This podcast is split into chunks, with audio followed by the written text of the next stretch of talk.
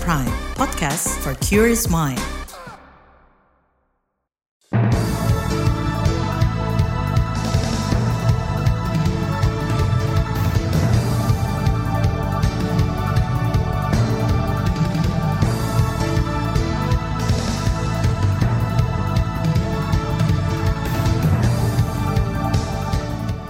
Selamat pagi saudara, berjumpa kembali dalam program Buletin Pagi edisi Senin 29 Januari 2023. Saya Naomi Liandra. Sejumlah informasi pilihan telah kami siapkan di antaranya. Jokowi didesak cabut pernyataan soal keberpihakan pemilu. Ditekuk Australia timnas Indonesia tersingkir dari Piala Asia. Sejumlah pejabat daerah terjaring OTT KPK di Sidoarjo. Inilah Buletin Pagi selengkapnya terbaru di Buletin Pagi. Saudara, Presiden Joko Widodo didesak mencabut pernyataannya soal presiden boleh berkampanye dan memihak di pemilu. Desakan ini muncul dari Muhammadiyah, salah satu ormas keagamaan terbesar di tanah air. Menurut Sekretaris Lembaga Hikmah dan Kebijakan Publik PP Muhammadiyah, Abdul Rohim Ghazali, pernyataan itu tidak tepat dilontarkan Jokowi selaku kepala negara. Mestinya Jokowi bersikap netral itu dari di, harus dilihat dulu ya pernyataan presiden itu sebagai kepala negara atau sebagai kepala keluarga. Kalau sebagai kepala negara ya seharusnya tidak ngomong seperti itu. Jadi ya harus dicabut pernyataan itu. Tapi kalau sebagai kepala keluarga ya kita mau gimana lagi? Ya kita hanya melihat itu sebagai sesuatu yang mungkin secara etik dipertanyakan gitu aja. Bagi PP Muhammadiyah, pernyataan Jokowi tidak bisa dilihat hanya dari kacamata normatif, tetapi juga dari sudut pandang filosofis, etis, dan teknis. PP Muhammadiyah meminta Badan Pengawas Pemilu Bawaslu melakukan pengawasan yang adil. DPR juga didorong mengawasi dugaan penyalahgunaan kekuasaan dalam pemilu 2024. Desakan agar Jokowi mencabut pernyataannya juga disuarakan Koalisi Masyarakat Sipil untuk Pemilu Bersih. Perwakilan koalisi dari LSM Kontras, Rozi Brilian, mengatakan Jokowi melakukan penyalahgunaan kekuasaan yang bisa merusak tatanan demokrasi lagi-lagi muaranya akan ada penyimpangan atau penyalahgunaan kekuasaan atau abuse of power. Jadi kami menilai memang ini sangat berbahaya bagi demokrasi sehingga pernyataan ini harus dicabut dan kami juga meminta uh, lembaga resmi seperti halnya Badan Pengawas Pemilu untuk melakukan tindakan proaktif ya, pengawasan secara ketat terhadap langkah sikap tindak tanduk presiden yang disinyalir ke depannya akan berbuat ketidaknetralan. Rozi Brilian dari LSM Kontras meminta Jokowi fokus dan profesional dalam menjalankan tugas di akhir masa jabatan. Pernyataan Jokowi dinilainya bisa memperburuk kinerja pemerintahan. Saudara, pernyataan Jokowi soal presiden berpihak direspon oleh tiga capres di pemilu 2024. Capres nomor urut 1, Anies Baswedan, menyebut pernyataan Jokowi kurang elok. Kata dia, pemimpin mestinya menunjukkan sikap negarawan. Makanya kalau kalau mau bertindak mengikuti aturan. Kalau tidak nanti akan menimbulkan keributan yang nggak perlu. Dan akhirnya akrobat-akrobat yang nggak perlu begini nih. Akhirnya malah jadi bahan bahan obrolan yang tidak produktif.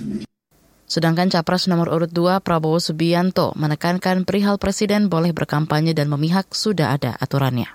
Saya kira sudah ada apa diskursus dan sudah diatur oleh peraturan semuanya. Saya kira kita berpegang kepada itu saja. Adapun capres nomor urut 3 Ganjar Pranowo khawatir pernyataan Jokowi bakal memicu ketidaknetralan aparat negara dan menurunkan kualitas demokrasi. Potensi intervensi dari mereka yang sedang memegang kuasa, saya kira agak berbahaya kalau dilakukan. Meskipun tentu saja karena secara hukum itu diperbolehkan, eh, maka itu akan menjadi perdebatan dan hari ini perdebatan sudah terjadi. Maka tata KPU, orang yang incumbent itu harus izin pada dirinya sendiri. Itulah namanya konflik of interest. Jadi akan semakin rumit. Sebelumnya pernyataan bahwa Presiden boleh berkampanye dan memihak disampaikan Jokowi menanggapi pertanyaan wartawan tentang Menteri berkampanye. Kata dia, Presiden boleh melakukan itu asal tidak menggunakan fasilitas negara kecuali pengamanan dan menjalani cuti. Aturan tersebut termuat dalam pasal 299 dan 281 Undang-Undang Pemilu. Sudah jelas semuanya kok. Jadi sekali lagi jangan ditarik ke mana-mana, jangan diinterpretasikan ke mana-mana. Saya hanya menyampaikan ketentuan aturan perundang-undangan karena ditanya. Itu tadi Presiden Jokowi. Terkait hal ini, Komisi Pemilihan Umum KPU menyebut Presiden Jokowi bisa mengajukan cuti kepada Presiden atau dirinya sendiri jika memang ingin berkampanye dalam pemilu kali ini. Kritik terhadap Jokowi juga dilontarkan pakar hukum tata negara dari Universitas Andalas, Ferry Amsari. Kata dia, Jokowi abai dengan aturan bahwa Presiden dilarang korupsi, kolusi, dan nepotisme atau KKN sesuai amanat Undang-Undang tentang penyelenggara negara.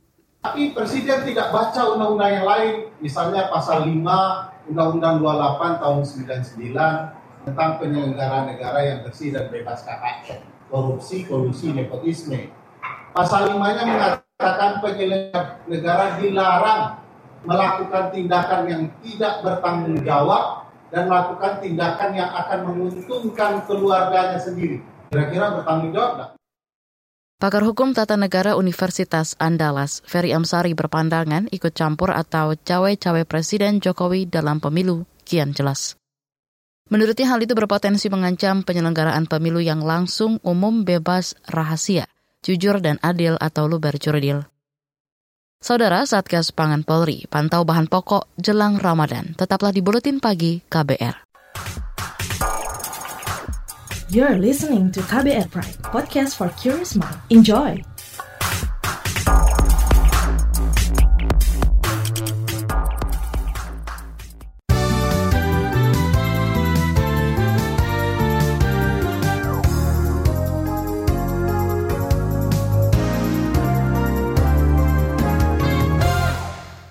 Anda sedang mendengarkan Buletin Pagi KBR. Presiden Joko Widodo bertemu Gubernur Yogyakarta Sri Sultan Hamengkubuwono X di Keraton Yogyakarta kemarin. Menantu Sri Sultan Kanjeng Pangeran Haryo KPH Notonegoro menyebut kunjungan Presiden di Keraton merupakan silaturahmi biasa. Ia mengaku tak mengetahui isi pembicaraan keduanya. Di uh, Bapak Presiden berkunjung ke Keraton, ini kan memang sudah hal yang biasa kalau beliau sedang di Jogja dan ada waktu biasanya memang bersilaturahmi kepada ngaso dalem begitu. Akhir pekan kemarin Jokowi berkegiatan di Yogyakarta. Jokowi bermain sepak bola bersama putra bungsunya yang juga Ketua Umum Partai Solidaritas Indonesia PSI, Kaisang Pangarep. Selain itu, Jokowi juga bersepeda dan sarapan bersama Ketua Umum Partai Demokrat Agus Harimurti Yudhoyono. Kita ke berita selanjutnya. Koalisi Perempuan Indonesia KPI meminta masyarakat aktif memantau penyelenggaraan pemilu 2024. Sekretaris Jenderal KPI Mika Ferawati Tangka menilai penyelenggara dan pengawas pemilu kurang responsif menangani pelanggaran pemilu, semisal dugaan politisasi bansos.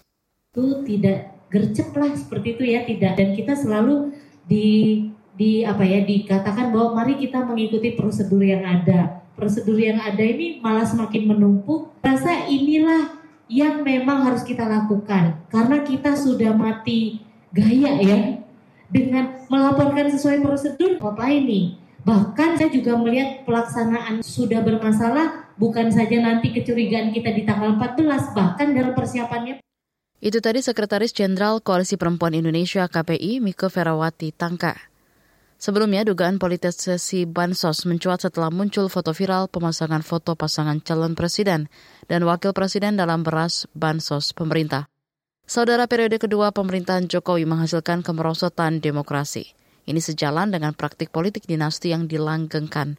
Hal itu merupakan kesimpulan hasil riset Lembaga Penelitian, Pendidikan, dan Penerangan Ekonomi dan Sosial LP3ES.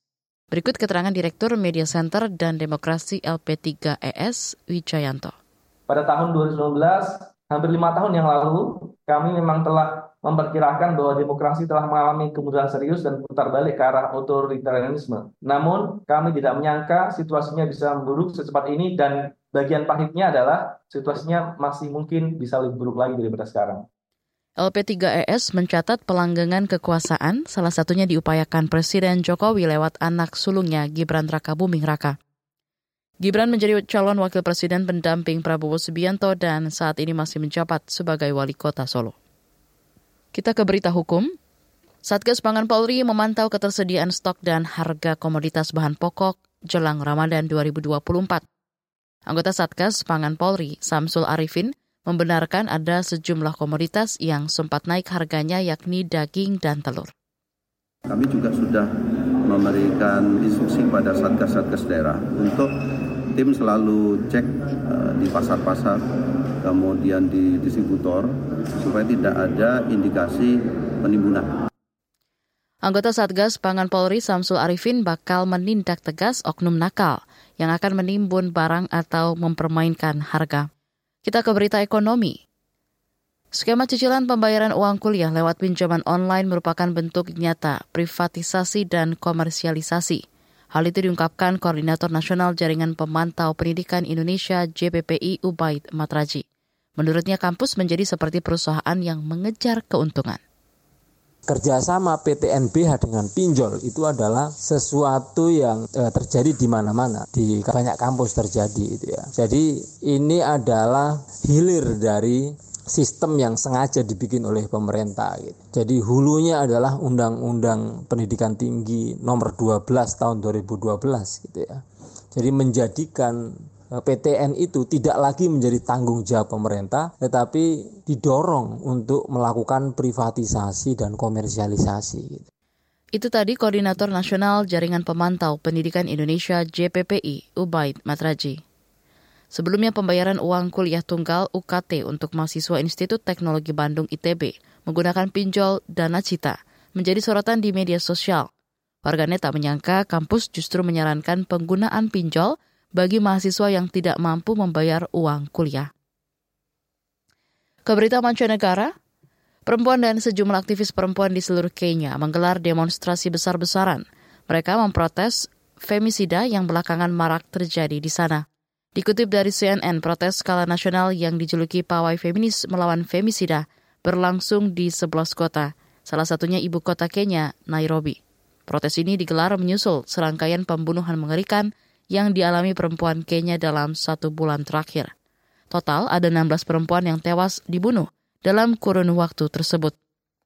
Berdasarkan sidang umum Dewan HAM PBB, femisida adalah pembunuhan terhadap perempuan yang didorong oleh kebencian, dendam, penaklukan, penguasaan, penikmatan, dan pandangan terhadap perempuan sebagai kepemilikan sehingga boleh berbuat sesuka hati. Bergeser ke Asia, Korea Utara dilaporkan menembak beberapa rudal jelajah di lepas pantai timurnya pada hari Minggu. Ini merupakan peluncuran kedua dalam waktu kurang dari seminggu, kata Kepala Staf Gabungan Korea Selatan JCS.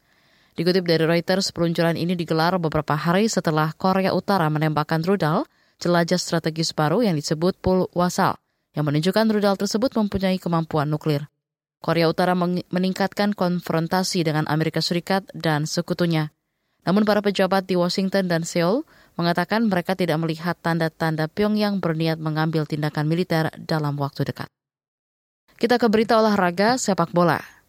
Timnas Indonesia tersingkir di babak 16 besar Piala Asia 2023 usai kalah telak 0-4 dari Timnas Australia di Stadion Jasim bin Hamad Doha, Qatar tadi malam. Hasil ini membuat skuad Garuda harus angkat koper dari turnamen sepak bola terbesar di Asia tersebut. Meski begitu, di Piala Asia 2023 ini, skuad Garuda mampu menorehkan prestasi bersejarah dengan lolos ke 16 besar untuk pertama kalinya. Selanjutnya, Australia pada babak perempat final akan menghadapi pemenang laga antara Arab Saudi kontra Korea Selatan Jumat mendatang. Dari olahraga badminton, ganda putra Indonesia Leo Karnando dan Daniel Martin sukses mempertahankan gelar juara Indonesia Masters 2024. Di partai puncak, Leo dan Daniel berhasil menekuk perlawanan wakil Denmark Kim Astrup dan Anders Rasmussen dalam laga 3 game 21-12, 20-22, dan 21-11. Gelar ini menjadi gelar pertama bagi tim Merah Putih di 2024. Di bagian berikutnya kami hadirkan laporan khas KBR tentang perjalanan suster Laurentina dan realita kelamnya nasib korban TPPO. Tetaplah di Buletin Pagi KBR. You're listening to KBR Pride, podcast for curious mind. Enjoy!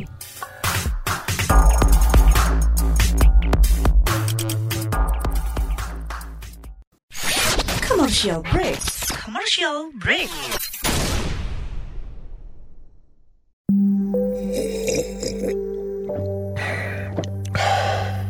Yakin, cukup teh doang. KBR Sore, siap menjadi teman sore hari kamu, biar kamu gak kesepian. Dapatkan rangkuman perkembangan berita terpenting di sore hari dari bidang politik, ekonomi, sosial, budaya, dan olahraga dari dalam dan luar negeri. Simak KBR Sore setiap hari Senin sampai Jumat mulai pukul 16 di radio jaringan KBR seluruh Indonesia dan di kbrprime.id search KBR Sore.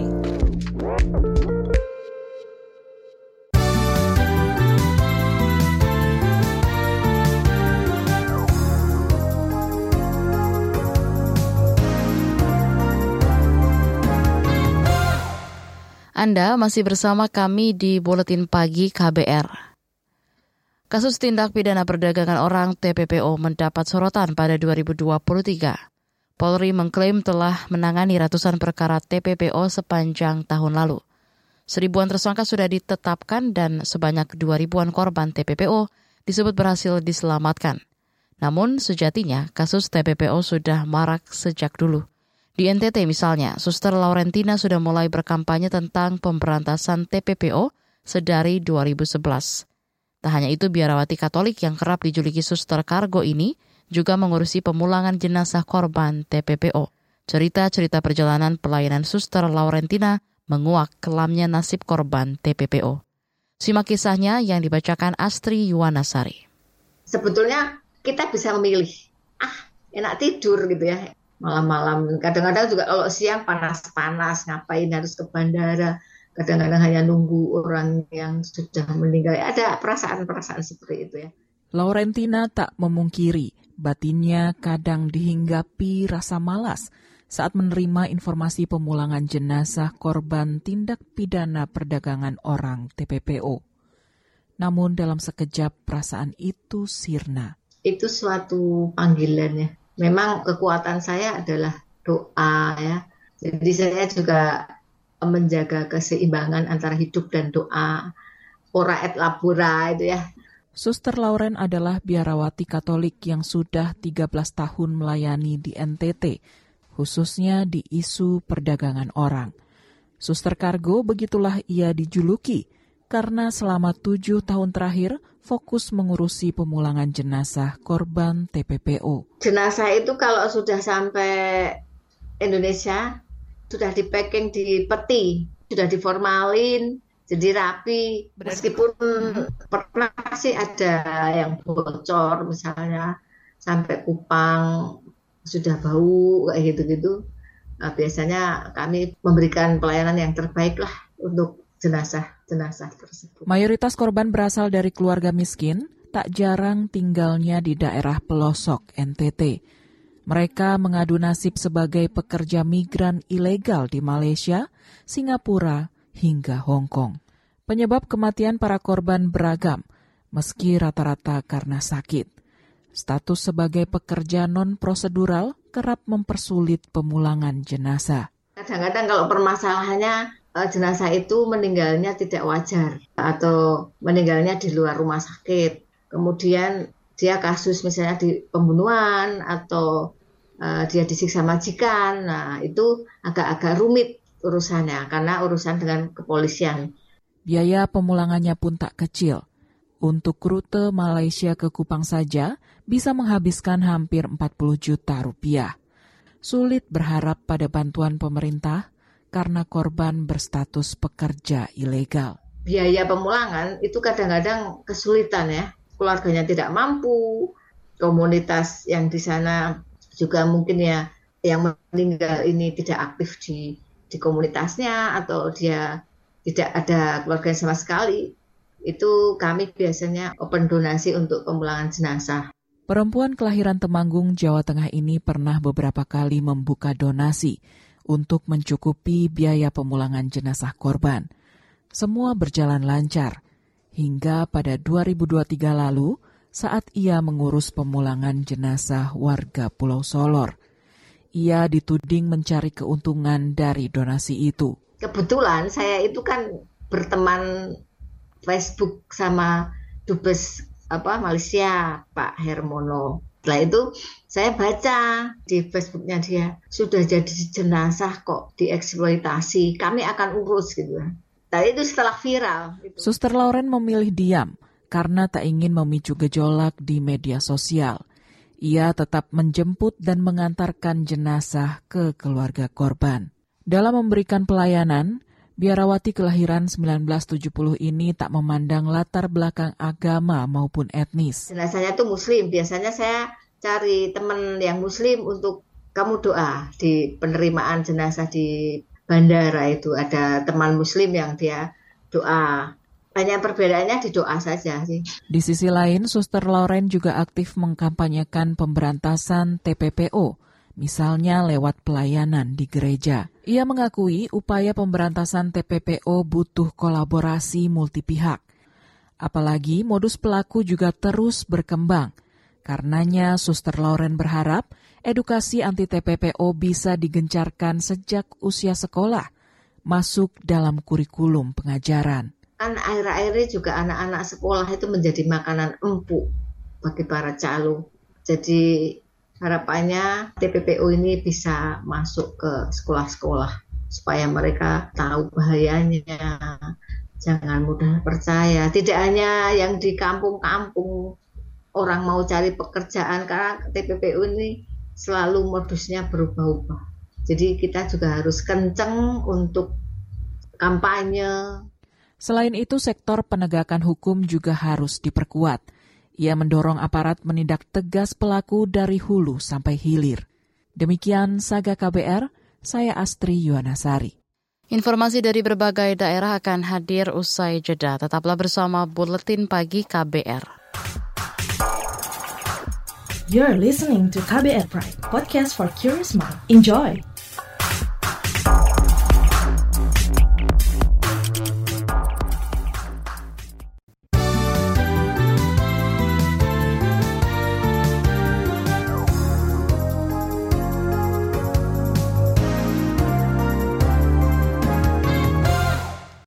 Inilah bagian akhir buletin pagi KBR. Saudara sejumlah ruangan di kantor Badan Pelayanan Pajak Daerah Kabupaten Sidoarjo, Jawa Timur disegel KPK dalam operasi tangkap tangan. Menurut Wakil Bupati Sidoarjo, operasi tangkap tangan yang dilakukan oleh KPK tersebut melibatkan dua orang aparatur sipil negara dan satu orang pegawai dari Bank Jatim. Kita melihat ini yang masuk untuk PNS-nya dua, Bank Jatim satu. Ya mudah-mudahan tidak ada masalah lah, semua nanti bisa serahkan secara keluarga. Sebelumnya OTT KPK di Sidoarjo diduga terkait korupsi pemotongan insentif pajak dan retribusi daerah. Penyidik turut mengamankan uang tunai yang merupakan barang bukti awal di lapangan. Kita ke Jambi. Pemerintah melanjutkan pemberian bantuan pangan sekitar 2 ribuan ton beras kepada masyarakat Jambi untuk menjaga stabilitas harga pangan. Dalam keterangan resminya, Menko Perekonomian Erlangga Hartarto mengatakan bantuan ini akan disalurkan ke desa atau kelurahan di wilayah kota Jambi, kota Muaro Jambi, dan Kabupaten Batanghari menggunakan 11 truk. Sebagai catatan, penyaluran beras stabilitas pasokan harga pangan SPHP untuk Provinsi Jambi di 2023 mencapai 28 ribuan ton dan program bantuan pangan sebanyak 1.900-an ton beras. Beralih ke Sumatera Selatan, Banjir bandang menerjang wilayah Kabupaten Lahat. Kapolsek Pagar Alam Utara Ramsi menyebut Badan Penanggulangan Bencana Daerah BPBD sudah membentuk tim hingga membangun posko evakuasi warga terdampak banjir bandang di daerah itu. Di Sungai Air Betung, Kecamatan Alam Utara, sampai merendam beberapa rumah penduduk yang berada di aliran sungai.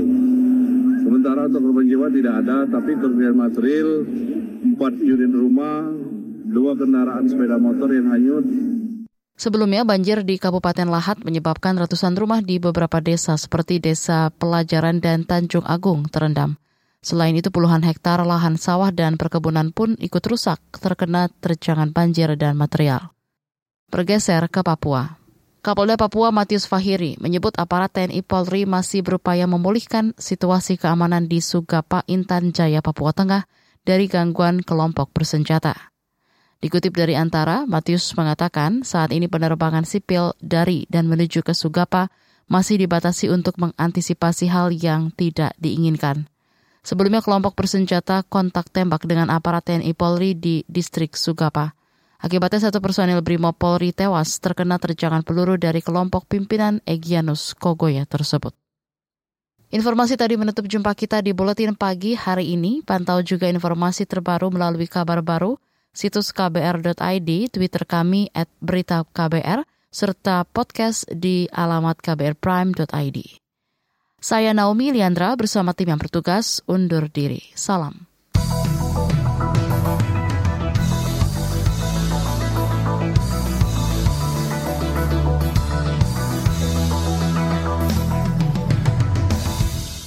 KBR Prime, cara asik mendengar berita.